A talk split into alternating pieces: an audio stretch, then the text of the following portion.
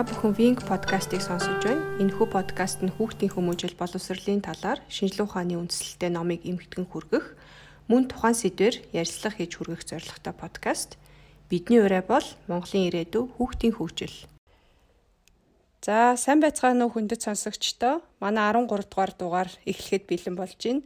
За, энэ дугаараараа бид төрүүчийн дугаартай адил сэтгэлийн хаттай эцэг эхчүүдийг хийдэггүй 13 зүйл гээд энэ номынхоо одоо бүлэг 4 5 6-аг а халууна цэвгэ алтаа бит гурав ингээд ээлжилж ярихаар бэлдсэн байгаа. За ингээд бүлэг дөрвөөсөө эхлэе гэж бодож байна. За бүлэг дөрөв маань болохоор а ийм сэтгэлийн хаттай эцэг эхчүүд хүүхдээ өөрсдийнхөө айцсанд хүлж тэ сонголтыг нь боомлж өсгдөггүй гэсэн ийм бүлэг байгаа. За энэ бүлэг маань нэг юм жишээгээр эхэлдэг. За Анна гэд нэгэн ээж одоо энэ манай номын зохиолч буюу сэтгэл зүйчдэр ингээд охиноо дагуулад ирсэн юм байна л да. За ингээ охиноо дагуулад ирэхдээ ингээд айгу ууртай тэгээд би одоо энэ охиноо ингээд найзынх руугаа найзынх руу ингээд ганц өдөр хонуулахгаа явуулсан чинь үсээ шараар будаад ирчлээ. Бүр айгу амар байгаа. За одоо ингээд нөгөө найз нөхдөд уулзуулахаа болохоос гэл айгу уурлаад ингээд тийм учраас би охиндоо сэтгэл зүйн зөвлөгөө авах хэрэгтэй байна гэж хэлээд ирдэг. За тэгээ ингээ ээжтэй нь ингээд нэлээд удаа ярилцаад үтсэн чинь а энэ бол ерөөсөө тэр охиных нь асуудал биш энэ ээж нь өөрөө ийм сэтгэл зүйн асуудалтай байна гэсэн дүгнэлтэнд хүрдэг. За энэ ээж болохоор айгу тийм хатуу тэгээ тийм зарчим чээж байсан. А хүүхдийнхаа ингээд өдрийг нь болохоор бүр яг бүр минут болгоноор нь төлөвлөдөг Тэгээ өдөрт яг 9 цаг унтах хэвээр яг л 9 цаг унтуулдаг. Нэг цаг одоо ингээл нөгөө биеийн тамирын дасгал хийлгэх хэвээр бол яг л нэг цаг дасгал хийлгдэг. За ингээд дандаа хүнс нь болохоор органик хүнс авдаг те. А мөн ингээ хаашаа ч явсан гарандаа ингээд ариутгагч те төрхийг хүүхдээсээ шаарддаг. За тэгээд өдөр болгон яг 2 цаг гэрийн даалгаврыг хийлгдэг. За тэгээд тэр хүүхэд нь яг ямар ямар гэрээ ажил хийх юм бэ гэд ингээд бүр юм урт листтэй Тэгээд ер нь аль өдөрт боловсролын талаар л ингэж нөгөө юм үзэх хэрэгтэй. Тэр нь болохоор 30 минут байдаг ч гэдэм үү те. Тэгээ бас найзуудынх нь гэрлүү ерөөсө хамаагүй явуулдггүй одоо хүүхдүүдтэй бараг тоглуулдггүй тийм ээж байсан. За тэгээд зохиолч маань ер нь ээжэд ийм бас асуудал байна гэж үзээд ээжд нь дараах зөвлөгөөг өгдөг байгаа.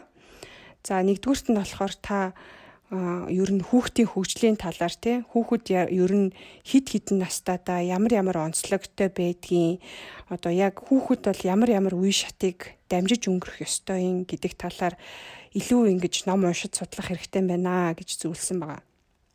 За хоёрт нь болохоор хүүхдээтэй ямарваа нэг юм бүтээх эсвэл танин мэдэх ингээ зүгээр хүүхдэрээ байх тий тэр цагийг хүүхдтэй ядаж өдөрт нэг цагийг олгооч ээ гэж зөвлөсөн байгаа. За тэгээд мөн хүүхдтэй сонголт хийх боломжийг нь олго гэж зөвлөсөн байгаа. Жишээ нь одоо гэрийн даалгавраа эхлээд хийх үү эсвэл гэрийн ажлаа эхлээд хийх үү тэр сонголтыг нь хүүхдтэй олгооч ээ гэж зөвлөсөн. За тэгээд эцэст нь болохоор тухайн ээжд юу гэж зөвлөсөн бэ гэхээр та зарим дүрмүүдээ те хаяа ингээд сулруулж бай. Жишээ нь одоо хүүхдээ заримдаа орой унтахын зөвшөөр заримдаа одоо чихэр идгийн зөвшөөртэй ингэж дүрм одоо хитрхи энэ дүрм журмаа жоохон сулруулаарэ гэж ингэж зөвлөсөн баг. За ингээд тэгээд сэтгэл зүйчийн зөвлөгөөг аваад охиндоо ингээ багч гисэн эрх чөлөө өгөөд эхлэнгүүт хүүхэд нь илүү их хүсэл эрмэлзэлтэй, илүү хариуцлагатай болсон юм байна. За тэгээд зохиолч маань энүүгээр юу гэж хэлхийг зорьсон бэ гэхээр хүүхдээ ингэжтэй маш хатуу төлөвлөгөө зохион байгуулалтыг хүмүүжүүлэх нь аав ээжийн стресс болон одоо сэтгэлийн түгшүүрийг л бууруулдаг болохоос биш хүүхдэд тохирсон хамгийн сайн хүмүүжүүлэх арга биш байдаг юм а гэдгийг хэлхийг зорьсон. За ингээд та өөрөө хэр одоо айцтай тий хүүхдтэй хэр зэрэг одоо ингэж хатуу ханддаг юм бэ гэдгээ мэдхийн тулд одоо дараах асуултуудыг өөрөөсөө асуугаад үзээрэй гэж зохиолч минь зөвлөсөн байгаа. За тэгээ энэ асуултыг асуугаад үзээ та ихэнхт нь тийм гэж хариулах юм бол ер нь өөртөө анхаарал хандуулах хэрэгтэй байх нэ. За ингээ энэ дээр ямар ямар асуултууд байгаа вэ гэхээр а хүүхэд маань ямар ч айцгүй өсөхөд те би бүх анхаарлаа хандуулдаг Хэрвээ та тийм гэж хариулж байгаа бол одоо та одоо хүүхдээ айцтай өсгөж гин гэсэн үг те. За мөн би ихэнх цагийг хүүхдээ хамгаалж өнгөрөөдөг. За мөн би хүүхдтэй бусад эцэг эхчүүдээс илүү санаа зовдөг. Аа би хүүхдээ надгүйгээр ийш тийшээ явахыг нь зөвшөөрдгүү. За хүүхдэрээ хийлэгдэггүй юмнууд надад зөндөө байдаг. Яагаад гэхээр хүүхэд маань одоо бие махбодын болон сэтгэл зүйн хувьд гимтэл авахаас нь би одоо дандаа айж идэг те хүүхдэд хамгаалдаг. За мөн одоо хүүхдэд шүүмжлүүлэхээс хамгаалах нь миний буюу одоо эцэг эхийн үүрэг гэж боддог. А хүүхдтэй муу юм тохиолдчихвээ гэж одоо байнга боддог. А хүүхд маань айсан байвал би шууд очиод тусалдаг. За мөн хүүхдтэй өөрөө хэрхэн тайвшрах аргыг нь зааж өгхийн оронд ихэнхдээ хүүхдээ би өөрөө тайвшруулдаг. А мөн одоо миний ихэнх энергитэй хүүхдийнхээ эрсдлийг бууруулахад зарцуулагддаг гэсэн ийм асуултуудыг та одоо өөртөө тавиад үзээрэй. А тэгээ ихэнх нь тийм гэж хариулах юм бол одоо та хүүхдээ те илүү их ингэж нөгөө хамгаалж аа тэгээд ингээд өөрийнхөө одоо айцаасаа болоод хүүхдээ ингээд янз бүрийн эрсдэлд оруулахаас одоо ингэж имэж өсгдөг гэсэн үг байхan л те.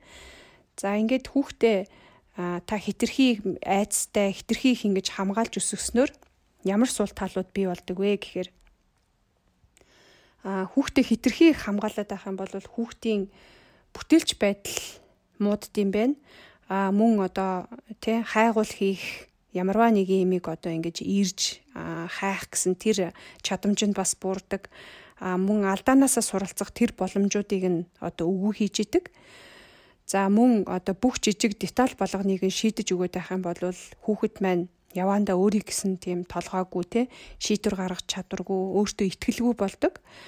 За мөн одоо эцэг их нь сэтгэлийн төвшөртэй ийм айцтай байгаад ах юм бол тэр нь ч гэсэн хүүхдэд одоо ингээд нөө дамжиж идэм байна л та. Яг вирус шиг. За тэгээд ингээд энэ дээр бас нэг сонирхолтой судалгаа гарсан болохоор сүүлийн үеийн судалгаагаар одоо их сургуулаа төгсчөө те буцаж аав ээжтэйгээ очиж амьдардаг болсон одоо тэр хүүхдүүдийн тоо бол сүүлийн жилүүдэд огцон өссөн байна л да. Тэгэхээр ер нь бол одоо их сургуулаа төгсчөөд а одоо амьдрал зохиогоот ч юм уу тий өөрийнхөө цалингаар ингээд өөрөө өөрийгөө аваад явдаг байсан болвол одоо буцаад их сургуулаа төгсчөөд эцэг ихтэйгээ очиж амьдрдаг хүүхдүүдийн тоо өссөн гэсэн үг. Энэ болохоор одоо хитрхи ихтэй хүүхдээ а одоо айцаас хамгаалж тий бигнэж одоо ингэж өсгсөний а одоо юу гэдэг сул тал тийм тийм өр нөлөө юм а гэсэн одоо ийм үг бах нэ. Тэгээд за энэ айцсаас те яаж одоо өөрийнхөө айцыг эцэг их нь одоо яаж шийдэх вэ те энэ шийдэл нь юу байж болох вэ гэдэг талаар зохиолч маань зөвлөгөө өгсөн байгаа. За энэ дээр болохоор нэгдүгüрт нь те та бүх энерги хүүхдийнхээ одоо асуудлуудыг шийдэж өгөхөд зарахын тулд биш хүүхэд өөрөө яаж одоо аюулгүйгээр бие авч явах вэ гэдгийг зааж өгөхөд цаг зарцуулаарай гэсэн байгаа. Энэ дээр болохоор хүүхдтэй одоо зааж өгтөө асуулт асуух байдал байдлаар зааж өгөх юм бол илүү үр дүнтэй байдаг юм байна л да. Жишээ нь одоо та хүүхдээсээ те а одоо танихгүй хүн ирээд хүргээд үгүй гэвэл чи машинд нь суух уу суухгүй юу гэж асуух нь байна те. А тэгээ хэрэг чамайг танихгүй хүн одоо дагаад явбал чи яах вэ? Гэх мэт ингээд нөгөө шууд чи тэгэрэ тэгэрэ гэхийн оронд чи яах вэ? Чи яг яах байсан бэ гэдээ ингээ асуулт асуух юм бол хүүхд чинь одоо илүү а одоо суралцах нь л те. За тэгээд мөн Тэ манай хүүхд одоо жишээ нь манай хүүхд ичимхий эмчин гэл одоо өмнөөс нь те хоолны газар ороод хоолны захиалга өгөөл эсвэл манай хүүхд одоо урсдаг шатаар явахаар айгаад идэм а гэл хүүхдээ лифт ч юм уу эсвэл шатаар явуулаад те ингээл хүүхдээ ингээд юм болгоноос хамгаалах биш харин одоо тэр айцтай нь ингээд нөгөө нүүр тулуулад а тэгээ энэ айцаа яаж давах вэ гэдгийг хүүхдэд нь хүүхдэдээ одоо илүү зааж өгөх хэрэгтэй байна л да. Жишээ нь одоо чи захиалга өгөхдөө те яаж одоо энэ хүний нүд рүү хараад одоо яаж зоригтойгоор захиалга өгөх вэ ч гэдэм үү. Хоёлаа ингээ урсдаг шатаар явахын тулд а одоо айцаа даван туулахын тулд бариулаас нь ингэж бариад хөлөө одоо ингэж гიშгээд ингэж явах хэрэгтэй гэд одоо айцтай нүүр тулуулах хэрэгтэй байт юм байна. За мөн айх гэдэг бол тий төрөлхийн байдаг бөгөөд энэ сэтгэл хөдлөлийн нэг нэг хэлбэр учраас айдас бол ер нь бол байх ёстой зүйл а хамгийн гол нь юунаас айх уу юунаас айхгүй вэ гэдгийг одоо хүүхдтэй ялгаж салгадаг болоход нь туслах хэрэгтэй юм байна л та. Жишээ нь одоо ингээл айх шаардлагагүй зүйлээсээ те алхам алхмаар айцаа багасгаад одоо айхаа болох талаар нь сургах хэрэгтэй. За энэ дээр нэг бас гоё жишээ гарсан нь болохоор жишээ нь ингээ ганцаараа унтахаас айдаг хүүхэд байлаа гэж бодъё те. За баг багаар дасгахын тулд эхлээд одоо ээж аавынхаа орны хажууд нь тусад нь ор тавиад ч юм уу тусад нь ингээ матрас тавиул тавиад те хүүхдээ унтуулна. За 7 хоног ч юм уу те ингээ унтуулна. За дараагийн удаа 7 хоносныхан дараа орноосоо ингээ жоохон холдуулаад те хаалга руугаа дөхүүлээд орын юм матрасын тавиад хүүхдээ унтуулна. За тэгээд 7 хоносныхан дараа одоо өөрийнх нь өрөөнд нь хүүхдээ ингээ орон дээр нь унтуулаад тэгээ унттал нь ээж нь ч юм аав нь хажууд нь байна. За тэгээ ингээд хүүхд маань жоохон дасаад ирэнгүүт нь хамгийн сүлд нь одоо гэрлийн насаагаад те ганцаар ингээд унтуулна. За тэг ингээд бүр дасныхан дараа гэрлийн унтраагаад одоо зүгээр унтуулна гэдэг юм ингээд баг багаар хүүхдийнхээ одоо айцыг давхад нь ээж аав нь ингээд тусалж явах хэрэгтэй юм байна. За тэгээд зохиолч маань бас нас насаар нь англа зөвлөмжүүдийг одоо бүлэг болгоныхоо төгсгөлд өгсөн байдаг. За энэ дээр сургуулийн өмнөх насныханд а зориулж ямар зөвлөмж өгсөн бэ гэхээр энэ насных нь одоо юунаас айх вэ? Одоо юунаас айхгүй вэ гэдгээ ялгаж мэдтгүү юм нас байдаг. Жишээ нь одоо хүүхэд машины зам дээр те гүүх аюултай гэдгийг ойлгодгүй мөртлөөсөө хувцсны шкафанд одоо мангас байгаа болооч гэдэг юм уу ийм хий зүйлээс айгүй хайдаг нас. Тийм болохоор одоо тухайн зүйлийг нь хүүхдтэй эерэг гэж мэдрүүлэх хэрэгтэй гэдэг юм байна л да. Жишээ нь одоо ингээ те өдрийн цагаар хоёлаа хувцсны шкафанд гарчиитан авч ороод те дотор ном уншдаг ч юм уу. Энэ шкафд ер нь бол тийм амар зүйл биш гэдгийг хүүхдтэй одоо энгийн үед ингэж ойлгуулах хэрэгтэй юм байна л да. За энэ дээр бас нэг хөөрхөн жишээ гарсан болохоор а жишээ нь ингээл хүүхд чинь те вакцинд хариулах өдрөө ингээл за хоёлаа вакцинд хариулахаар явъя гэхээр ингээл явахгүй очихгүй гэл ингээл нөгөө хүүхд болгон л айдаг штэ тий. Тэгэнгүүт нь одоо энэ вакцин тариулах өдрийнх нь өмнө нь гадаа хандлан тоглуулад за тариулсныхан дараа мөхөөлс ч юм уу тий амттан авч өгөх байдлаар юм эерэг сэтгэлдлийг хүүхдтэй төрүүлж ингэж үлдэх а хэрэгтэй. За энэ нь болохоор тий одоо юу гэдэг дараагийн удаа вакцин тариулахдаа вакцины өдөр одоо ийм гоё эерэг зүйл тохиолддог учраас тухайн зүйлээсээ ингээд айх нь багасах ч юм уу тийм байдлаар бас хүүхдээ ингээд зоригжуулж болдго юм байна. За тэгээ ер нь бол хүүхдээ те дандаа юунаас айдیں۔ чи битгий айжий гэдэхийн оронд нэрээ ямар аймаар юм бэ те гэд тэр мэдрэмжийг нь бас одоо сургуулийн өмнөх насныхаа хүүхдүүдтэй хуваалцж байгаарэ гэсэн байна. За сургуулийн насны хүүхдэд болохоор яаж харьцуул зүгээрээ гэхээр а одоо баг багаар нөгөө төрүн дээр хэлсэнчлэн ингээ айцыг нь дарахт нь туслах хэрэгтэй. За одоо жишээ нь ингээл шинэ хүнтэй танилцгаасаа ичдэг хүүхэд байлаа гэхэд те чи ингээд тухайн хүнээс ичгүн тулд нүдрүү нь яаж харах вэ ч гэдэг юм уу дараа нь тухайн хүнтэйгээ яаж мэдлэх вэ гэдэг юм уу ингээд баг багаар ингээд зааж өгөх хэрэгтэй. За мөн тэг ингээд ном уншихтаа юм зөрөгтэй дөрүүдийн талаар хамтдаа уншиж юм зөргийн талаар хүүхдтэй ярилцж байгаарэ гэсэн байна. За өсвөр насны хүүхэдтэй хүмүүст өгсөн зөвлөгөө нь болохоор а өсвөр насны хүүхдүүдийн тархины зарим хэсэг нь одоо хөгжсөн байхад зарим хэсэг нь хөгжөөгүй гэдэг юм л да. Жишээ нь болохоор энэ насны хүүхэд ингээд машин те одоо аавынхаа гаражнаас хулгайлаад аваад гарахтаа ингээд дараах үр дагаврыг бодох ч юм уу тэгж айдгүй мөртлөөсөө а бүжгэнд одоо ингээд охин гуухаас айдагч байх жишээ нэ те. Тэгэхээр энэ бол нөгөө тархины хөгжилтэй холбоотой юм байна л да. Тэгэхээр өсвөр насны хүүхдтэйгээ аль болох эрсдлүүдийн талаар ингээд чөлөөтэй ярилцж байгаарэ гэсэн байна. Жишээ нь одоо одоо яахаар жирэмсэн болдیں۔ те жирэмснээс яаж хамгаалтын ч гэдэг юм уу. Хитрүүлж одоо уухын үр дагавар нь юу вэ ч гэдэг юм уу те ийм мөн одоо бусдтай харилцах харилцааныхын талаар хүүхдүүдтэйгээ байнга яриа өрнүүлж те тэдгэрийг хамгийн гол нь шүүмжлэхгүйгээр одоо та өөрөө лекц уншихгүйгээр хүүхдээ ингээд сонсож байгаарэ гэж зөвлөсөн байна.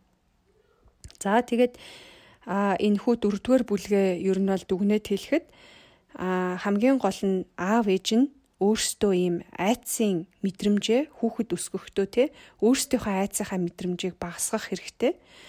А одоо ингээл хүүхдээ юм бүхнээс хамгаалал те асуулт асуудал үүсэнгүүт нь л очиж авраад ивдэг нөгөө нисдэг тэрэг гэж ярьдаг те нисдэг тэрэг шиг аав ээж байхын оронд одоо айцтай нөхцөл байдалд өөрийгөө яаж зоригжуулах вэ гэдгийг зааж өгдөг те хүүхд чинь хэрвээ аймхаа ичимхий бол баг багаар ингэж дасгаж хүүхдтэй зааж өгөх хэрэгтэй. За тэгээ багаас найзтайгаа багаас нь одоо айцтайгаа нүүр тулахыг зааж чадах юм бол том болоод нөгөө комфорт бүс гэж ярддаг те комфорт бүсээсээ гарч чаддаг. За гэрээсээ гараад ингээд тусдаа ганцаараа амьдарч чаддаг. Дуртай ажилдаа очиод өргөдөл өгч чаддаг те ямар нэгэн одоо бэрхшээл даваад а гараад ирэхэд өөрөө ингээд даваад гарч чаддаг ийм хүүхэд хүмүүжүүлж чаднаа гэсэн ийм утгатай бүлэг байгаа. За ингээд бүлэг дөрөв маань төгсөж байгаа. А 5 дугаар бүлгийг алтаа яриад явна. За тэгээ за 5 дугаар бүлэгт сэтгэлийн хаттай эцэг эхчүүд юу хийдэг вэ гэж одоо ийм бүлэгт гарч байгаа тийм ээ. Яг одоо бусад бүлэгнүүдтэй адилхан энэ бүлэгт ч гэсэн сэтгэлийн хаттай одоо эцэг эхчүүд хүүхэдтэй хит их одоо эрх мэдэл өгдөггүй гэсэн юм сэдвтэй бүлэг байгаа. За тэгээд энэ бүлэг маань нэг бас жишээгээр хэлдэг. Номын зохиолч маань өөрөө нөгөө сэтгэл судлаач, сэтгэл зүйчтэй. Тэгээд сэтгэл энэ номын зохиолч дээр нэг эцэг их ирдэг. За тэгээд тэр эцэг ихд юу тохиолдсон бэ гэхээр нэг өөр өөрсдийнх нь одоо нэг хүүхэд тэр хоёр нэг хүүхэдтэй хүүхэд нь Клариса гэдэг нэртэй 16 настай. Тэгээд тэр охин нь болохоор айгүй тийм одоо сургуульдаа сайн тий айгүй авиаслаг тийм охин байж л те. Тэгээд ерөнхийдөө энэ гэр бүлийгэд харах гаднаас нь харах юм бол айгүй тийм одоо тий төгс гэр бүл шиг харагддаг. А гэхдээ тэр гэр бүлд нэг асуудал байсан гин. Тэр нь болохоор нөгөө Клариса гэдэг охин нь тий дандаа ингэ нөгөө сайн сурдаг айгүй тийм мундаг байсан болоод ч тэр юм уу ээж аав нь айгүй одоо тэрийг одоо их цаашаадаг тий дуртай зүйлийг нь авч өгдөг. Тэгэл ерөнхийдөө ингээл юу гэдгийг одоо орой морой ингээл найз найзуудтайгаа оройтох гээд оройтыг ингүүтэнтэй аав чирнэ одоо зөвшөөрөхгүй гэж шатдаггүй тий Тэгээ ингээд хүүхдтэй ингээд баг багаар ингээд нөгөө эрх мэдэл ингээд өгчихсөн. Тэгээд сүүлдээ асуудал нь юу болсон бэ гэхээр нэг удаа чир нөгөө охиныгоо тэгээ найзуудтайгаа нэлээд оройт оройт шүү гэд тэ биш одоо найз нартайгаа гарах гад нэлээд орой гарах гад аав ээжээс аав ээжтэй хэлдэг. Тэгсэн чинь аав ээж хоёр нь өнөө орой хэрэггүй гэдэг юм байна л да. Тэгсэн чинь нөгөө охин нь хэрвээ та нар намайг явуулахгүй байх юм бол би өөрийгөө одоо өөрийгөө хорлон те одоо арга өөрийгөө би ингээд зүсээ зүснэ гэдэг байхгүй юу. Тэгээд тийм одоо ингээд ээжийг аавгаа одоо сүрдүүлж байгаа сүрдүүлж штэ те. Тэгээд за тэгээд ээж аав хоёр хүүхдтэйгээ тэгж хэлэнгүүт нь эхний удаад аав чарын жоохон зочирцсан Гэхдээ за ингээд нэг удаа болж болох байлгүй дээ дараа ч удаа ингээд ингээд өнгөрөх байлгүй дээ гэж бодсон. Гэтэл дахиад одоо яг энэ зам зам байдлаа ажиглагдсан байна л да. Тэгээд сүултээ Клариса ээж аавда яг одоо би буруу одоо юу гэдгийг би зүгээр сүрдүүлж байгаа биш. Би яг одоо өөрийгөө би ингээд тэ зүсэж чадна гэдгийг одоо ээж аавда нэг удаа яг харуулад яг өөрийгөө ингээд нөгөө аавынхаа сахалны югаар нь хусгачаар нь ингээд өөрийгөө зүсчдэг. Тэгээд ээж аав хоёр нь тэрийг хараад бүр аюух айдаг. Аа тэгээд үүнээс болоод ээж аав хоёр нь одоо ингээд энэ сэтгэл зүйчдэр очиж тий одоо зөвлөгөө авах гэж очдог. За тэгээд энэ сэтгэл зүйч маань үнийг тий сонсоод ерөнхийдөө юм хоёр асуудал байна гэж тодорхойлдог. За энд болохоор эцэг их хоёр нь болохоор хүүхэдтэй хит их одоо эрх мэдэл өгсөн байна тий дуртай зүйлийг ингэж хийлгсээр байгаад өөртөө нөгөө ямар ч хүч чадалгүй их мэдлэг болчихсон. За хоёр дахь асуудал нь болохоор хүүхэд нь мэдээж одоо хүүхдийнх нь тэр одоо аюулгүй байдал нь одоо асуудалтай одоо асуудалт асуудалтай асуудал нь юу вэ гэхээр бас одоо хүүхдийнх нь аюулгүй байдал нь тий Кларасагийн хэдийд ч өөрийгөө ингээд зүсэд бас гимтээчих тийм одоо юутай боломжтой. Тэгэхээр ийм хоёр том асуудал байна. За энийг яаж шийдэх вэ гэд нөгөө сэтгэл зүйч маань хідэн одоо юу өгдөг зөвлөгөө өгдөг. За энд нь болохоор эхлээд Кларасыг шууд одоо сэтгэл юун дээр сэтгэл засалч дээр очих хэвээр тий. За хоёр дахь нөгөө юу нь болохоор зөвлөмж нь болохоор хүүхэдтэй одоо юм тодорхой юм дүрм зохиогоод одоо тэрийг хүүхдэд хэлэх хэрэгтэй гэнэ л те. Одоо жишээлбэл тэ араас хойш чи гэрээсээ гарахгүй ч гэдэг юм уу те. Телевиз одоо нэг цаг үзэх хэрэгтэй ч гэдэг юм уу ийм тодорхой юм дүрмүүд бас одоо яах бичиг одоо зохиох хэрэгтэй. Гэхдээ түрүүний халиунаа ярьсан одоо манай уртх бүлэг дээр энийг одоо бас хэлсэн нөгөө талаас нь хэлсэн байгаа тийм. Гэхдээ тэр чинь бол нөгөө хитрхи экстрим байхгүй юу тийм. Минут минутаар нь төлөвлөлт. Хит одоо ингээд нөгөө тэрэнд баригдахгүй гэсэн одоо тийм хичнээн юм дүрмтэй бол тэрэндээ хит баригдахгүй талаар баригдахгүй байх нь зүг гэж ярьсан байгаа. За энэ бүлэгт болохоор заримдаа бид нар нөгөө хүүхдүүдтэй хит их нөгөө их мэдл өгчгөр тий жишээлбэл бид нар ингээд заримдаа за за юу гэдгийг өнөөдөр чи болно ч гэдэг юм уу ингээд тууштай бид нар байж чаддгүй Тэгээ тэрнээсээ болоод нөгөө хүүхэд нь баг багаар би ингээд ойлгочдаг. Юу гэж ойлгодог байхээр ингээд бээж аавгаа ингээд яаж яж байгаа аргалчих болно те. Тэгж байгаа л болчих штэ гэл хүүхдүүд тийм одоо бас юм суралцдаг юм байна л да эцэг ихэд. Тэгэхээр эцэг эхчүүд өөрсдөө одоо дүрм зүрм зохиогоод дүрмэндээ одоо тууштай байхыг зөвлөсөн. За тэгээд гуравт нь болохоор мэдээж Клариса болохоор өөртөө тийм нөгөө аюултай зүйлийг хийгээд байгаа болохоор тэрнээс нь хамгаалах одоо зүйлүүдийг хийх хэрэгтэй. Аа жишээ нь бол гэрт нь юу гэдгийг тийм хурц мурц те утга мутга ч юм уу тийм юмнууд байлахгүй ч юм уу те. Тэгэл охиноо ерөнхийдөө нилээ ингэ сайн одоо харж хамгаалах хэрэгтэй те. Тийм талаас нь зөвлөсөн байгаа. За тэгээд бас аа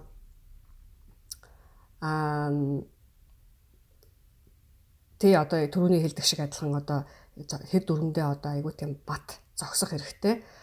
Аа за тэгээд хамгийн гол нь нөгөө хүүхдээс ойлгуулах хэрэгтэй тий яагаад яагаад бид нар ийм дүрм дүрм хийгээд зохиогоод байна? Гэрт яагаад юм бид нар одоо тий ингэж болохгүй тэгэж болохгүй гэж чамд одоо тий одоо хязгаар тавьж байгаа юм бэ гэхээр одоо чиний аюулгүй байдаг чинь хангахын тулд тий ингэж байна гэдээ бас хүүхдэд хэлэх хэрэгтэй. А За тэгээд ингээд нөгөө эцэг их яг энэ нөгөө сэтгэл зүйчийн зөвснөр ингээд хийгээд үтсэн чинь одоо охин нь ингээд ерөөсөө нөгөө юу ягаагүй ямар нэгэн одоо байдлаар энд эсэргүүцэл үзүүлээгүй юм байна л да. Ягаад тэгэхээр Кларасад яг одоо эцэг ихийн өөрийн гэсэн эрх мэдэлтэй гэдгийг харуулад яг тэрийг одоо тий тууштай зогсох юм бол бат зогсох юм бол охин нь бол ийм эсэргүүцэл одоо үзүүлэх нь бол одоо багассан юм байна. За тэгэхэд хүүхдтэй та хит их эрх мэдэл өгснийгоо яаж мэдэх вэ гэдэг нэг хэд хэдэн энд асуултууд байна л да. За нэгт нь болохоор түрүүний хэлсэн шиг адилхан те та ингээд нөгөө гэртээ дүрм одоо зүрм зохиох гэх юм уу да юу гэдэг юм те дүрм ингээд тодорхой дүрмтэй байлаа гэхэд тэрнээсээ та ингээд хазаадаг уу те тэрийг ингээд заримдаа ингээд тэрнээсээ жоохон ингээд хазаах юм угаасаа биднэрт гардаг. Гэхдээ ерөнхийдөө бол тэр байдал одоо танд ажиглагддаг болвол та бол баг багаар хүүхдтэй их мэдл өгж гинэ гэсэн.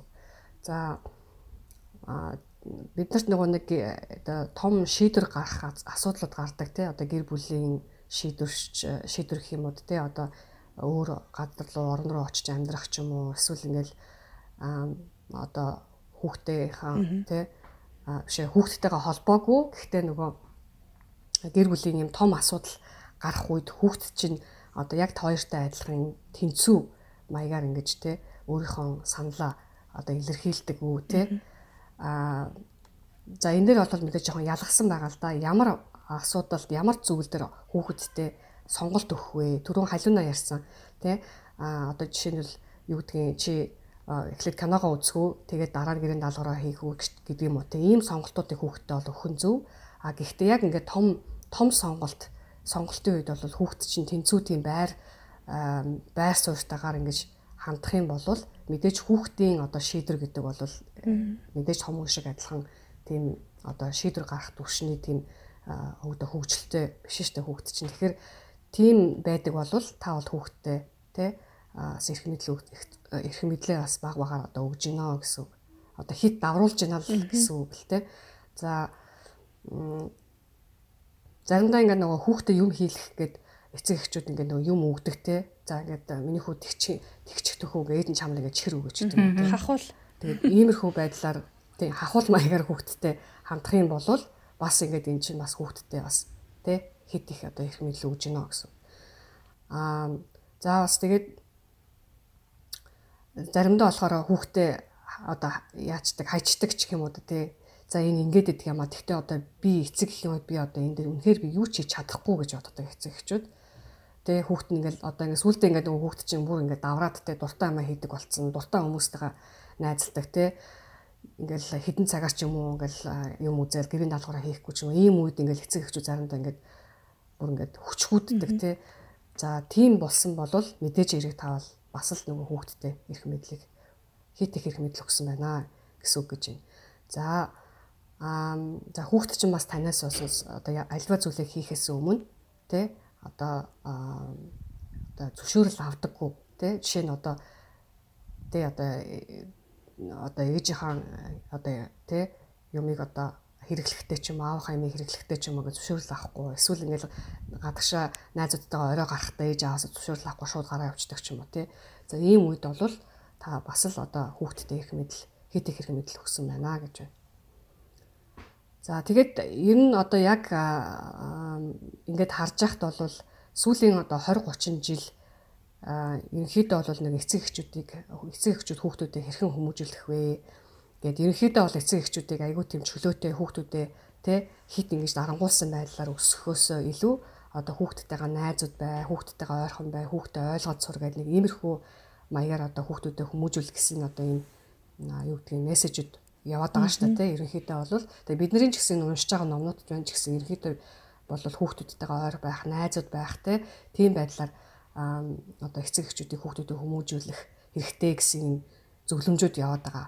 А гэхдээ нөгөө талаас нь бид нар эцэг эхчүүд бас өөрийн гисэн тэг эцэг эхчүүд гэдэг бол мэдээж хэрэг гэр гэр одоо тэр гэр бүлд болж байгаа зүйлийг а тэ өөрсдөө одоо а юу гэдгийг одоо шийдвэр гаргах төвшингийн хүмүүс гэдгээ өөрсдөө ухаарч Тэ заримдаа хүүхдтэй болохгүй зүйлүүдээ бол яг төс тас одоо хэлж явах хэрэгтэй.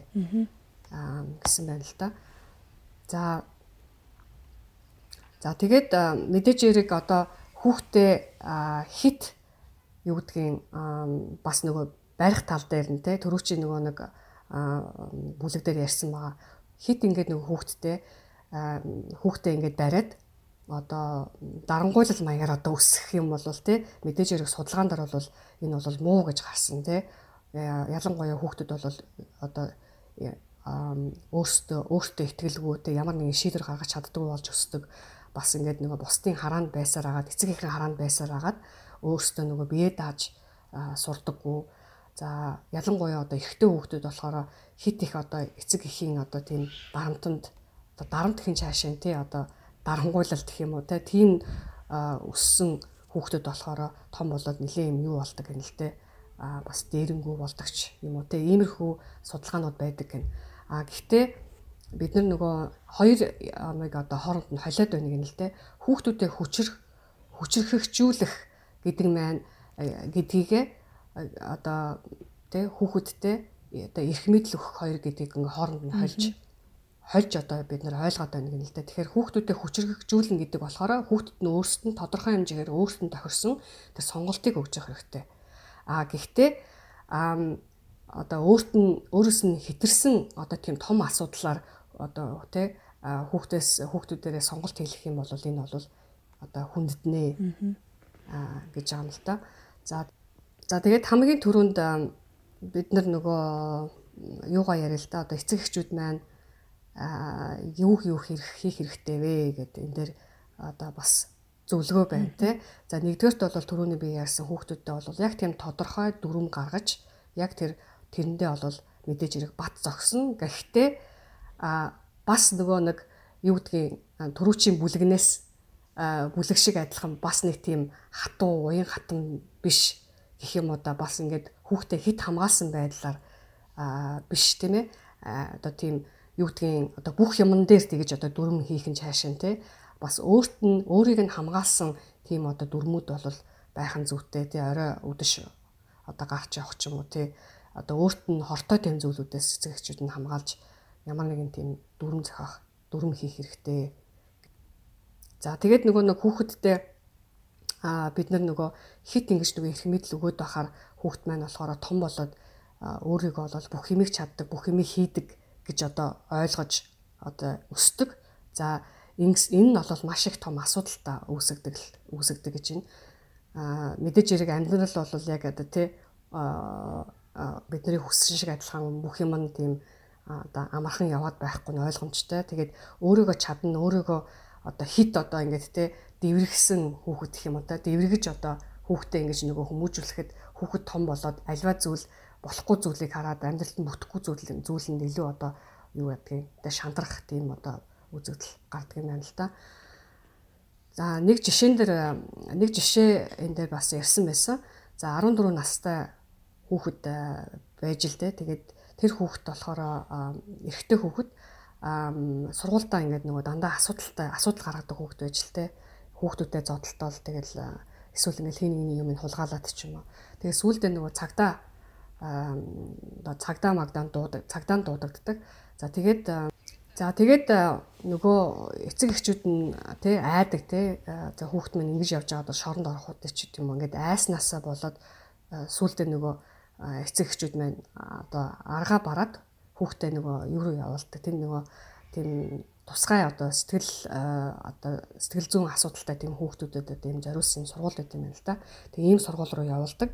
Тэгээд нөгөө хүүхд маань тийм сургуульд яваад яасан бэ гэхээр тэр нөгөө сургуульд нь юм тодорхой юм дүрмүүдтэй байсан тий бүх юм тодорхой байсан болохоор тэр хүүхд айгүй тийм одоо ямар нэгэн асуудал одоо гаргахаа болдго юм байна л да. Аа тэгээд нөгөө яг тэр сургуульд нь болохоор сургуулийнх нь одоо захирал нь болохоор за ингээд танаа хүүхд одоо ингээд хүмүүжчлээ гэдэг те. Одоо сургууль дээр бид нарыг бидний ажиллаж байгаагаар бол танаа хүүхд ерөөсөө тийм асуудал гарахгүй байгаа учраас одоо заавалчгүй хугацаагийн дуустал нь байх шаардлагагүй тэгэхээр буцаад гэртээ очиж болно гэдэг. За тэгээд гэртээ очисон чинь гэртээ очисон даруйдаа нөгөө хүүхд маань буцаад нөгөө урд нь те асуудал гаргадаг байсан хүүхд шиг адилхан яг тийм одоо асуудал гаргаж эхэлдэг Тэгээ эцэг ихээ өгөнд орохгүй бас л нөгөө нэг тэгээ хүүхдүүдтэй ингээл зодолтоод ч юм уу. Тэгэхээр энэ бас юу хэлээд байна гэхээр тэр гэр бүлд тодорхой нэгэн тийм эцэг эхийн одоо байр суурь бас алга болсон байна. Хүүхэдтэй хүүхдээ хүмүүжүүлэх тийм одоо аргууд тий аргуудыг хэрэгжүүлэхгүй байна гэсэн гэсэн учраас тийм учраас одоо хүүхэд маань гэрте очингуудаа буцаад нөгөө урдныхаа гаргадаг зангуудаа гаргаж эхэлсэн. Аа Тэгэхээр хүүхэд болвол ерөөхдөө ингээд нөгөө хүүхдээ хит их ингээд ирэх мэдл өгчхөр хүүхэд маань ингээд том болоод ирэхээр айгүйх тийм нөгөө юу гэдгийг өөрийгөө одоо хянч чадахгүй болж өсдөг юм байна л да. За тэгээд бас хүүхэд маань хүүхдээ бид нар одоо хязгаар ингээд тавихгүй болохоор мэдээж хэрэг эрүүл мэнд нь бол муу тий хүүхэд бол дуртай юм идэх бол мэдээж хэрэг дандаа л нөгөө биеинд нь муу зүйлүүдийг хүүхдүүд маань сонгодог шүү дээ тий ихэвчлэн хүүхдүүд чихэр их чихэрдэг зүйлүүд чипс тостой зүйлүүд чипс мипс гэл те. За бас нэг асуудал нь болохоор хүүхд бол том болоод бас сэтгэл зүйн бас асуудалтай болж өсдөг юм байна. Хит их одоо эрх мэдэлтэй өссөн хүүхэд бол том болоод те айгүйх одоо гүн одоо хямралд орох тийм боломжтой байдаг юм байна. За сургуультаа бол одоо муу сур те одоо тийм мэдээж хэрэг хүүхд төгссөн юм а хийдэг хүүхд бол сургуультаа бол тийм сайн сурдаг сурах тийм одоо боломж нь бол багасгад юм байна. За мэдээж хэрэг өөрт нь хэрэггүй зүйлүүдийг тий өөрт нь хортой зүйлүүдийг хийн ялангуяа одоо телевиз үзэх ч юм уу өнөөдөр бол компьютер хүмүүстэй тоглодог та компьютерийн тоглоом гэх ч юм уу за тэгээд дараа нь бас нэг асуудал нь болохоор хүүхд бол тийм янз бүрийн одоо тийм эрсдэлтэй одоо тийм зүйлийг хийх одоо боломж бас бүрддэг юм байна. За Тэгэхээр одоо түрүүн одоо би баг зохиосон ярьсан хүүхд эцэг эхчүүд энэ дээр одоо юу хийх ёстой вэ гэд тэ. За жишээ нь бол хүүхэд тэ одоо ээжбийн чихрийг идэх юм уу тэ өөрт нь жоохон тийм одоо хэрэггүй зүйлэгтэй идий гэх юм бол ээж нь болохоор за чи хэрвээ эхлээд чи ингээд одоо энэ тэ ногоогоо идэх юм бол дараа нь чи чихрээ идэж болно гэдэг юм уу тэ тэнгууд нь хүүхэд нь тэгвэл ээж би хоёрыг идчихэл да гэдэг. Ингээд баг багаар нөгөө хүүхд маань ингээд эцэг эхээсээ нөгөө эрх мэдэл ингээд баг багаар аваад идэг. Яг тэр үед нь бол эцэг эх нь бол үгүй гэж одоо тууштай зогсох хэрэгтэй. За тэгээд нөгөө хүүхдүүдээ бас нөгөө хүүхдтэй альва нэмийг одоо тий хүүхдэр альва юм хийлгэх гэж байгаа бол хүүхдэд юм өгдөг гэдэг хахуул өгдөг гэдэг дээ тий. Тэгэхээр энэ хахуул өгөхийнхээ оронд хүүхдээ бол шагнах хэрэгтэй гэж байна. нэг зүйлийг хийснийхэн дараа хүүхдээ шагнаад одоо дуртай юм хийлгдэг ч юм уу тий. дуртай юм өгдөг ч юм уу. Ийм байдлаар одоо хүүхдтэй бас хандах хэрэгтэй гэж байна. За тэгээд бас хүүхдтэй бол хязгаар тавих хэрэгтэй. Тэр хязгаартаа бол яг ингээд бат зогсох хэрэгтэй. Үр доогоор байгаа гэдгийг бас хүүхдтэй бас харуулах хэрэгтэй гэж.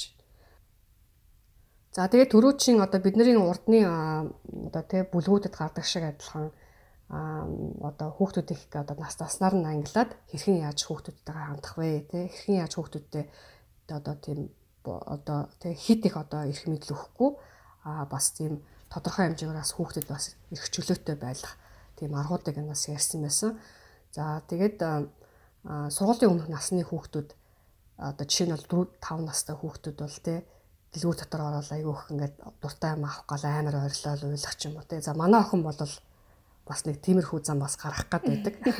Тэгээд яг энэ бүлийг уншиж байхад бол надад бас айгүй бас том бас зөвлөгөө боллоо л доо. За тэгээд хүүхд маань ийм үед бол та яах вэ? Мэдээж хэрэг хүүхд чинь ингээд тий 2 цаг 3 цаг жинго орилцдаг бол бас хэцүү л дээ тий. А гэхдээ ихэнх хүүхдүүд бол хэрвээ эцэг эхэнтэй яг одоо тийм зан гарах үед нь одоо тэрийг баг ингээд тэ өөртөө тэр маань эцэг эхт чинь нөлөөлж байгаа гэдгийг харуулахгүй байх хэрэгтэй юм л тэ. Тэгээ жоохон орлонгууд нь л юу гэдгийг дугаа яч гэдэг юм уу. Жоохон орлонгууд нь ингээл нөгөө эцэг их нь а дуртай юм авч өгöd байх юм бол хүүхэд маань бол э, эцэг их маань тий намайг ийм зан гаргах болгонд эцэг маань одоо тий нөлөөнд ороод миний нөлөөнд орж одоо миний дуртай зүйлүүдийг хийх одоо хийлэх юм байна гэдээ хүүхэдээ ойлгочтой юм. Тэгэхээр бас л нөгөө нэг тий э, өөртөө нөгөө нөлөө үзүүлэхгүй байна гэдгийг харуулахын тулд бол ерөөсө тэрийг нь сонсохгүй одоо сонсохгүй ч хавд тий юу гэдгийг одоо заримдаа ингээ нөгөө а одоо би ингээ нөгөө манай нөхөр тэгдэг байхгүй ингээл манай охин ингээл орилол ингээл чарлал хаад ингээд юу ч болоогүй юм шиг ингээл 50 байж байгаа байхгүй юу. А тэр үед нь болохоор би болохоор ингээл те дугаа байл та дугаа байл та гэж байлаа Тэгээд сүултээ яг яадаг гэхээр үнэхээр манай охин ингээ зогсчихдаг байхгүй юу? Нилээн орилж орилж орилж за 30 минут бол ингээд орилж байгаа юм зэ надад бол амар чихэн чиртэй те тэгэд манай хүн бол ингээд сонсоогүй юм шиг байсан чинь сүултээ нөгөө тэр хүүхэд чинь те нөгөө ямар ч хүчгүй юм байна гэдээ ойлгоод тэгээд зогсчихж байгаа болчихж байгаа байхгүй юу. За тийм байдлаар бас бас хүүхдтэй хандах нь бас сүвчтэй байх хэрэгтэй. Тийм айгүй төвчээр шаардж байгаа юм байна. Тэгэхээр эцсийн эс бол бид нар бас тий эн чинь нөгөө нэг урт хугацаанд бол бид нарт одоо хэрэгтэй учраас тий бас жоохон төвчээр бас гарах хэрэгтэй юм шиг байна. Нүдэн балаач хиндүүл хийлэх юм биз тий. Тийм тэгээд бас нөгөө одоо жишээл хүүхд чинь ингээл хүүрч игээл ингээл зохиж мохол те ингээл нөгөө эцэг ихийг ингээл муухай юм хэлээлтэй ээж би таныг тгий шүү нэг удаа манай охин тэгсэн байхгүй юу ээж би таны хогс ам хийсэн шүү гэж. Тэгээд ингээл зохиж мохол яг тийм үед нь болохоор эцэг эхчүүд ингээд чи те намайг өвтгөөд байна гэд хэлэх ёстой те. А гэхдээ чиний энэ асуудал чинь одоо те миний шийдвэр гарах одоо тэр нөлөө нь ямар нэгэн одоо тийм юу гэдэг нөлөө үзүүлэхгүй гэж одоо хүүхд гэдгээ одоо хүүхдэд харуулах хэрэгтэй байна л да. За тэгээд сургуулийн одоо үеийн хүүхдүүд сургуулийн насны хүүхдүүдэд хүүхдүүдтэй яаж хандах вэ? За энэ насны хүүхдүүд бол ерөнхийдөө бол юмыг ол ойлгоод ирдэг те. Аль болохоор нөгөө нэг томчуудын ярианд ингээд оролцох гээд ирдэг.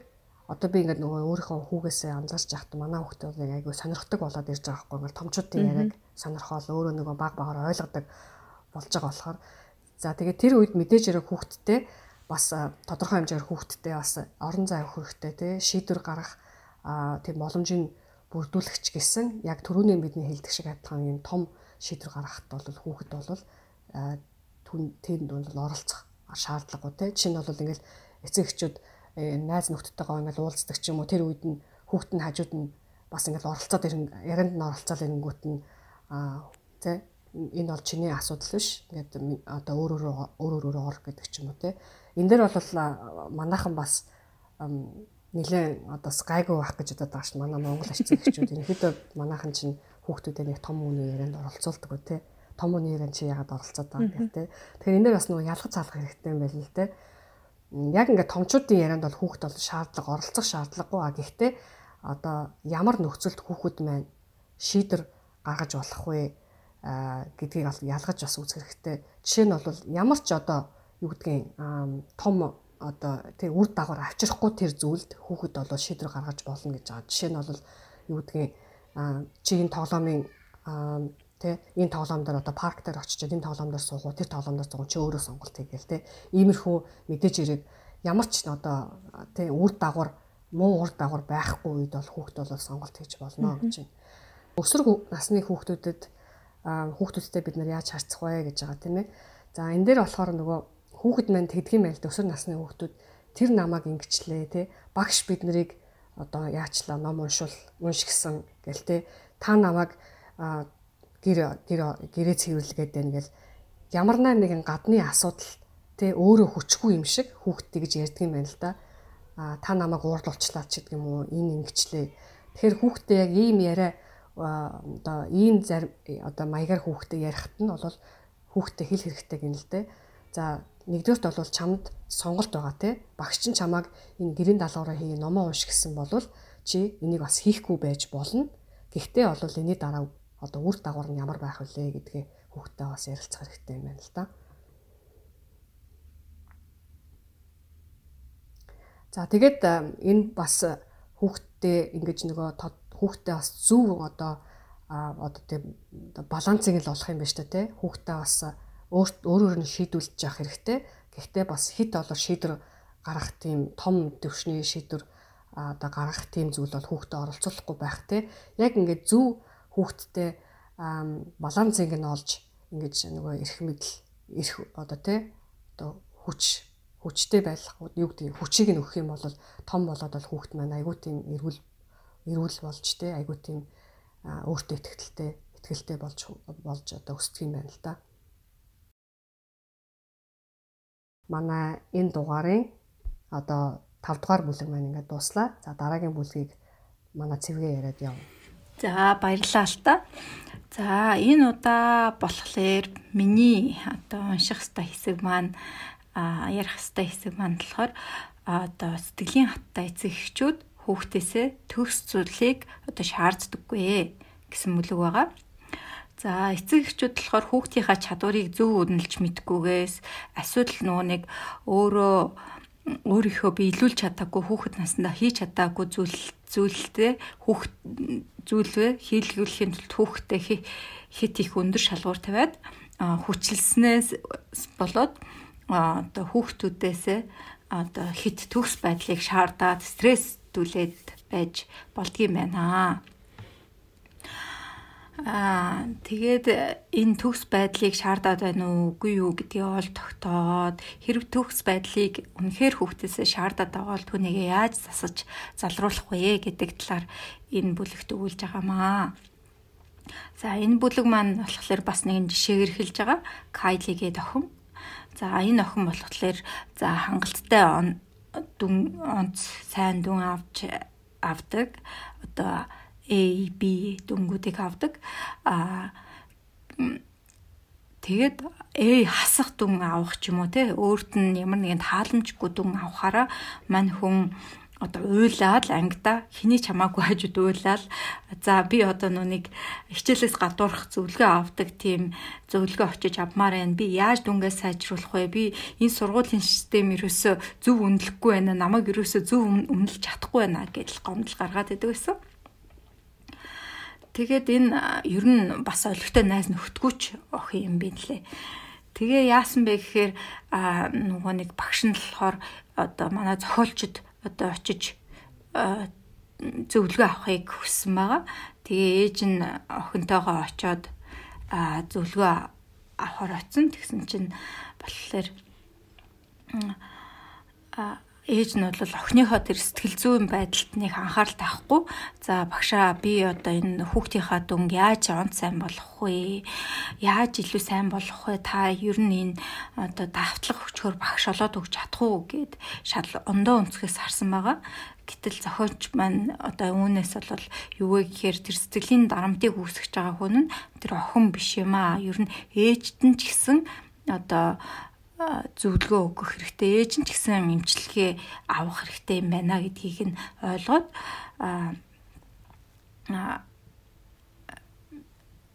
ойлгож мэдсэн байгаа. Тэгээд охин нь болохоор яаж ийнэ гэхээр сэтгэлийн дамтанд байдаг бүр сэтгэлээр унсан үедээ нөө сэтгэл зүйн байдлаа удирдах чадахгүй бүр хэдий ч хамаагүй хүний хажууд уйлчдаг ийм хүүхэд байсан. Тэгээд ер нь ээж охин хоёр бол эхний ээлжинд ерөөсөө зөвлөгөө авах авахааргүй болоо буцаад одоо хэсэг хугацааны дараа бүр охин маань нойргүйдээ унтаж чадахгүй байна гэдэг асуудлаас болоод буцаад хүрээд ирсэн байгаа. За тэгээд нийгэм сэтгэл зүйн чадварыг нь эзэмшүүлэх хэрэгтэй гэдэг зөвлөмжийг манай зохиолч өгсөн. Тэгээд хүсээгүүдэн авсан үедээ ангийнхныхаа дэргэд уйлаад байхгүй сургалтын албанаас зөвлөгөө аваад бүх асуудал үүсгэхэд байх нь өөрийнх нь одоо найз нөхдийнхэн дунд нэр хүндгүй болоод өлегтэй найз нөхдөд болж чадахгүй байна гэсэн дүгнэлтэд төрсэн байгаа. За үүнээс харахад ер нь бол эцэг эхчүүд хүүхэд өөрөө биш эцэг эхчүүд хүүхдээ хүүхдээсээ төгс байдлыг хүсэж өгдөг тийм нөхцөл байдал байж болцшгүй. Тэгэхээр та сонсогч та өөрийгөө нэг анзаараад үзээрэй. Та альва нэг зүйлийг хийж чадахгүй гэдгээс айж удаашруулдгүй. Альсвал альва нэг ажил хийгээд дуусгараа тухайн зүйлд гарсан жижиг сажиг алдаанууд нь илүү их анхаарлаа хандуулад уурчин уурч уур хүрээдэд үү? Альсвал альва зүйлийг сайн хийдэг эсвэл бүр хийдэггүй юу? Альсвал за энэ сайн хийдэг зүйлээ л хийдэг альсвал бүр хийх хийхгүй зайлс хийгээд байдаг. А өөрийнхөө хийсэн алдаанд хит их шүүмжлэлтэй хандаад байдгүй зорилгодоо хүрэхийн тулд бүхнийг одоо хамаг хүчээрээ дайран ордгоо те ийм одоо асуултуудад та ихэнхт нь одоо хэрвээ тийм ээ гэж хариулсан бол та хүүхдээсээ хит төгс зүйлийг шаардаад байдаг тийм эцэг байдгийм байна. За эцэг эхчүүд яагаад хүүхдээсээ төгс зүйлийг хүсэж байдаг вэ? Мэдээж одоо өөрийнхөө хийж чадаагүй зүйлийг хүүхдэрээ дамжуулж биелүүл биелүүлэхийг тийм хүсэл байд юм байна. Чүүд одоо яагаад хүүхдээсээ төгс зүйлийг хүсэж байдаг вэ гэхээр миний хийж чадаагүй зүйлийг хүүхэд маань биелүүлсэ гэж хүсдэг те. Хүүхэд маань ямар нэг зүйлийг надаас өөрөөр хийхийг би харж тавьчихдаггүй те. За хүүхэд маань ямар нэг үйл ажиллагаанд ороод заавал хамгийн сайн байх байх ёстой гэж боддог. А хүүхдээ магтахаасаа илүү шөөмжилдэг ийм эцэг эхчүүд бол хүүхэдтэй одоо хит өндөр шаардлага тавиад байгаа юм байна. Хит төгс байдлыг хүүхдээсээ хүсэж байгаа юм байна гэдгийг ойлгох хэрэгтэй гэдэм байна.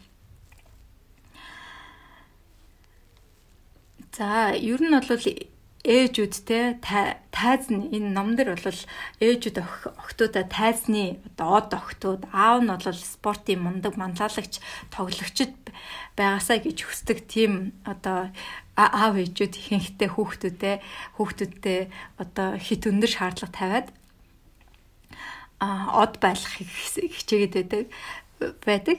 Энэ дэр бас нэг одоо нэг экстрим гэх юм уу кейсийн талаар ярьж байгаа.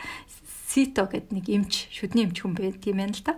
Тэгээ хүүхэд нь хөл бөмбөгийн одоо дугуулнд явдаг. Тэгсэн чинь тэмцээнд нь орохт нь хөл бөмбөгийнх нь одоо энэ малгааных нь одоо одоо энэ а түгжээг нь амар хурцлаад өгцөн.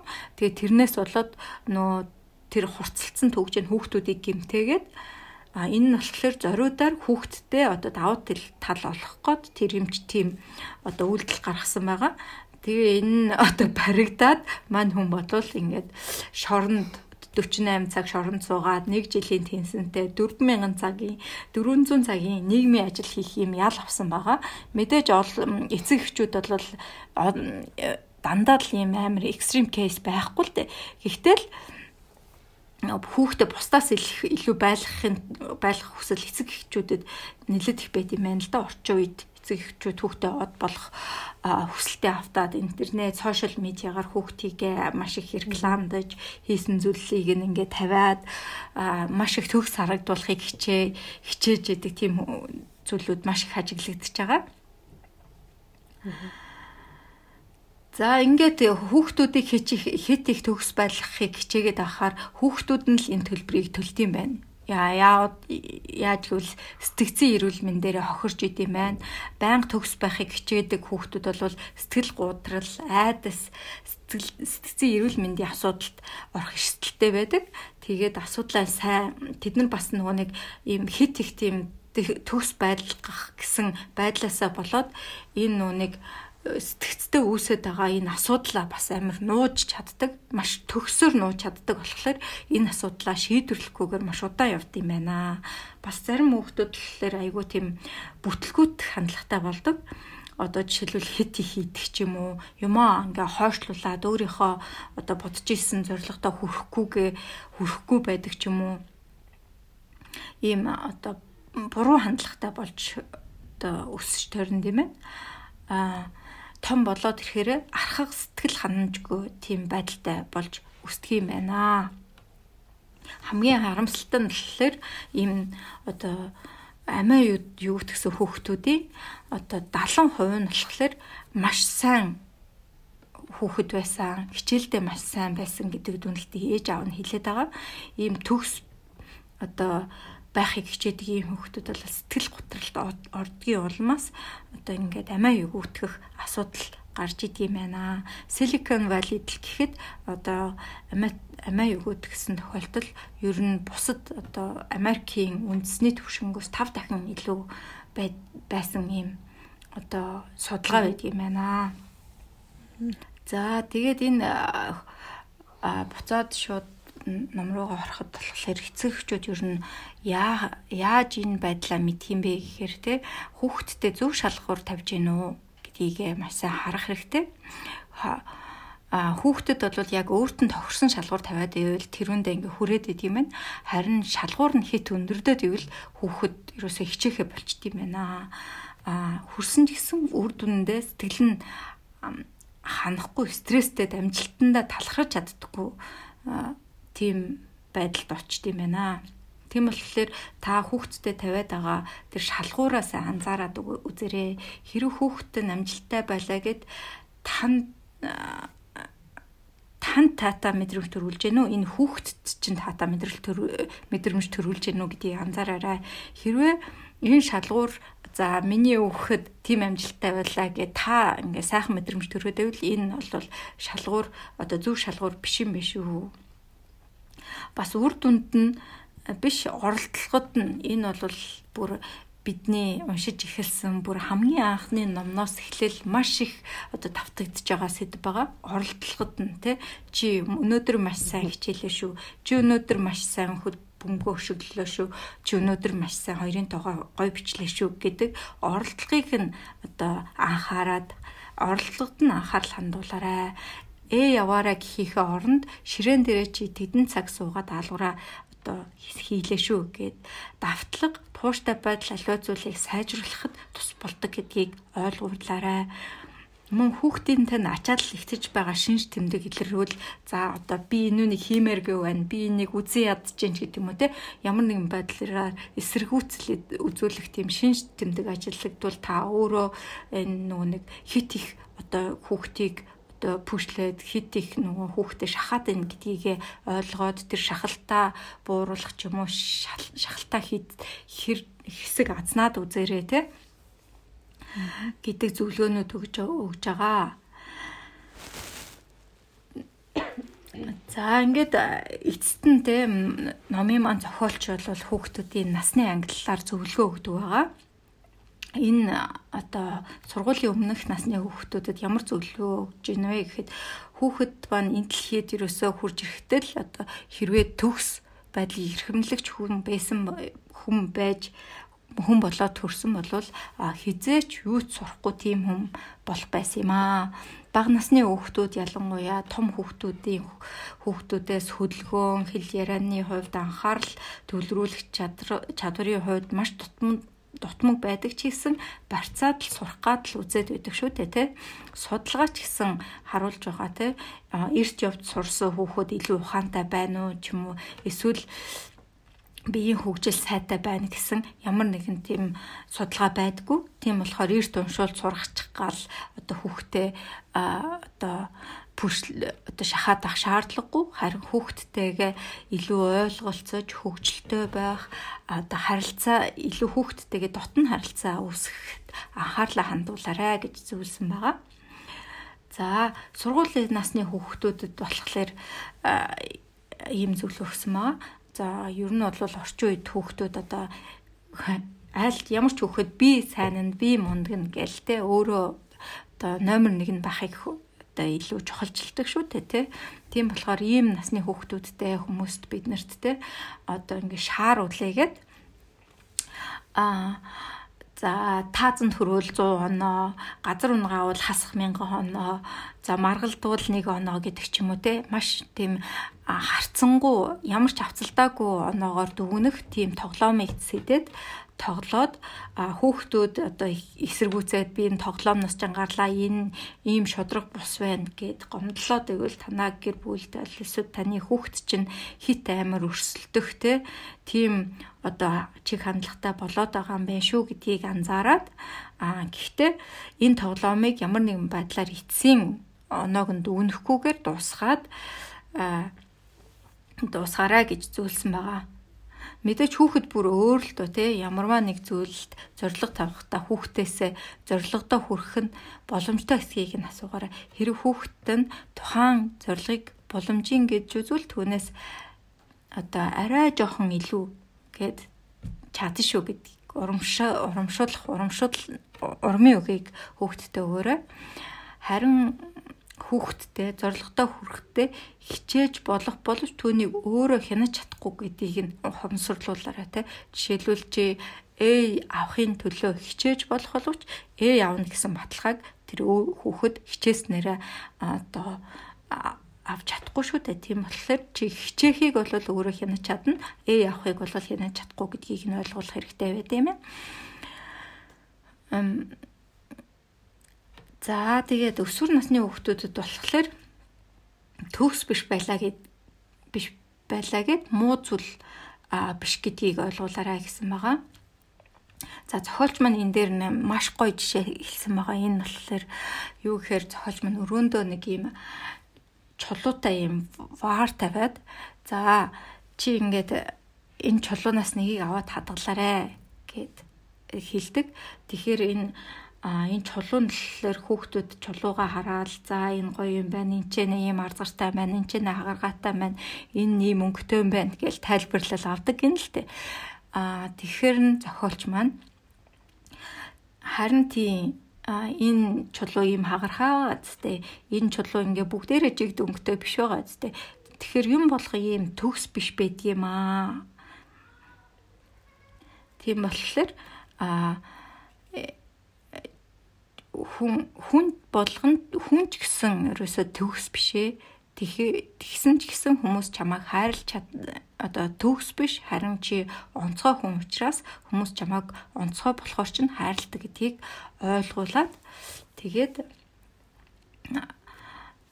энэ чулууг ингээд өгсөн байгаа. Энэ нэг ч гэсэн би ер нь хүүхдүүдээрээ одоо турших нь илүү төгс байхыг ирмэлцэх албагүй юм байна гэдгийг одоо ойлгоход маш гоё жишээ гэж ойлгосон.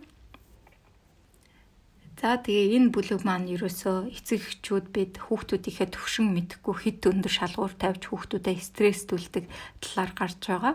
Тийм болохоор эцэг эхчүүд бид эхлээд өөрсдийнхөө өөрсдийгөө хүүхдээсээ хит төгс байдлыг шаардаж байгаа эсгийг анзаараад хэрүү тийм байдал үүссэн болвол а тухайн байдлыг өөрийнхөө сайжруулах одоо зөвлөгөөнүүдийг төгс байх албагүй алдлаа ч гэсэн ертөнцийн одоо төгсгөл болчихгүй гэдгийг хүүхдүүдэд ойлгуулах одоо баялаг зөвлөгөөгөөр одоо өгсөн ийм ном байгаамаа. За ер нь бол энэ ном миний одоо өмнө нь уншижсэн номнуудаас одоо маш их таалагдсан. Маш их өөжтэй ном байна гэж санагдсан. Та хоёрт ямар санагдсан бэ? Аа миний хувьд болохоор уншсан ном болгонд л надад бас хэрэгтэй зүйлүүдийг бас одоо тий бичсэн байсан л да. Тэгээ энэ ном болохоор нөгөө онцлог нь яг ингээ нөгөө бүлэг болгон яг тодорхой тодорхой сэдвэр ингээ нөгөө бичсэн болохоор илүү ингээ жоохон юу гэдгийг ойр те тэгээд бас нөгөө дотор нь тэгээд одоо насаар нь англиад бас хүүхдүүдтэйгээ яаж харьцах уу гэдэг ингээ нэлээ ингээд гоё ингээд тодорхой юм зөвлөмжүүдийг өгсөн болох надад их таалагдчихэв л да. Тэгээд цэгээ саяны одоо энэ бүлэг дээр нөгөө хүүхдүүдтэй бид нөгөө хит одоо тэ ачаалал өгөхгүй тэ хит их одоо хүүхдээсээ одоо юу гэдгийг хүлээлт эцэгчүүдийн маань хүлээлт бол нэлээд өндөр байгаад байна шүү дээ. Тэгэхээр ерөөхдөө ерөөхдөө бол нөгөө хүүхдийн тэр дэвшилт гаргаж байгаа гэдэг дээр л анхаарах хэрэгтэй юм. Түүнээс бол хаашаага одоо юунд хүрэх гэж байгаа гэдэг гэдэг нь бол ерөөсөө баг сонирн биш юм биш үү те. Би бол тэгж л ойлгож байна л та. Аа тэгээд бид нар өөрсдөө ч гэсэн эцэг эхчүүд бас ажиллах хэрэгтэй юм шиг. Би ч гэсэн бас нөгөө нилээн тийм юу гэдэг нэг төгс байлгах гаддаг тий perfectionist тийм замтай бас хүн. Тэгэхээр нөгөө аливаа зүйлийг хийхдээ ч гэсэн би ингээд нөгөө эсвэл сайн хий эсвэл бол хийхгүй гэсэн нэг тийм хандлага надад бас байдаг л та. Тэгээд нөгөө хүүхд ч маань хүүхд маань жоохон гэдгийг нөгөө мартчихдаг биднэртээ дөнгөж ингээл юм суралцж байгаа гэдгийг мартчихдаг. Алдаа гарангуут нь ингээл өөчөд ихчлээ штэ ингэчлээ штэ гэл тэгдэг бол надад тийм бас юу байдаг. Бас үзэгдэл бас харагддаг. Тэгэхээр энэ дээрээ бас би жоохон ажиллах хэрэгтэй юм байна гэж байна. Аа надад болохоор энэ ном би ч одоо ингээд нөгөө гурван өөр насны хүүхэдтэй хүн Тэгэхээр ингээд том хүүхдтэрээ бол яг энэ 13 зүйлийг 13-ыг хэрэгжүүлсэн байгаа байхгүй юу. Надад бол яг тэгж санагдсан. Ингээл хүүхдээ одоо ингээл бүр төгс байлгах гал те бүх юмд нэгт орно шүү чи гээл гараал ирэнгүүт нь яагаад нэгт орсонгүй вэ чи ч гэдэм. Эсвэл ингээл нөгөө юм болгоноос хамгаалаал те яана одоо ингээл автобусаар явж байгаа тэгчих үе ч гэдэм юм. Ингээл амар төгшөртэй. Тийм тэгээд ер нь бол энэ номыг уншаад за өөртөө маш их дүгнэлтэйсэн. Тэгээ хоёр жижиг дээр энэ алдааг давтахгүй юм шүү гэл өдөр болгон л хичээж ин да. Тийм. Надаа бас нэг ийм сэтгэл төрөөд байгаа сүлээд за энэ ковид нөхтэй болоод тэр хүүхдүүдтэйгээ гэртээ өдөр болгон байна. Аа за тэгэл хүүхдийн хүмүүжлийн одоо боловсролын талаар ингээл номнууд уншиж гин. Тэрнээсээ болоод би жоохон ийм аль нь одоо илүү нөлөөлөд байгаа юм гэдэггүй ямар ч гэсэн арай жоохон хүлээцтэй болоод байгаа юм шиг л санагдаад байна. Гэтэ ковид чи эсрэгээрээ юу юм биш үү? Одоо ингээл 24 цаг байнга байгаад ахаар чинь улам ингээл стресстэй л яа нүцтэй тий. Тэггүүт чамд ном ч л илүү нөлөөлж байгаа бах та. магадгүй сэтгэл зүйн асуудал гэдэг бол их чухал юм аа гэдгийг л юу н ойлгож байна л да. Аа. Би бол бас яг тийм байсан. Нэг эцэгчүүд бас өөрсдөө нэг жоохон өөрсдөө тийм хүлээцтэй хандах. Нэг өөрсдөө хүлээцтэй хандахаар хүүхдүүдэд ч гэсэн хүлээцтэй хандах хэрэгтэй. Андаж эхэлт юм шүү дээ. За За тэгээд манай 13 дугаар бүлэг маань биш 13 дугаар эпизод маань үгээр өндөрлөж байна. За Алта цэг баяртай баярлаа. Баярлалаа Алуна. Дараагийн дугаараараа уулзцгаая. За баярлалаа. Баяртай. За баярлалаа.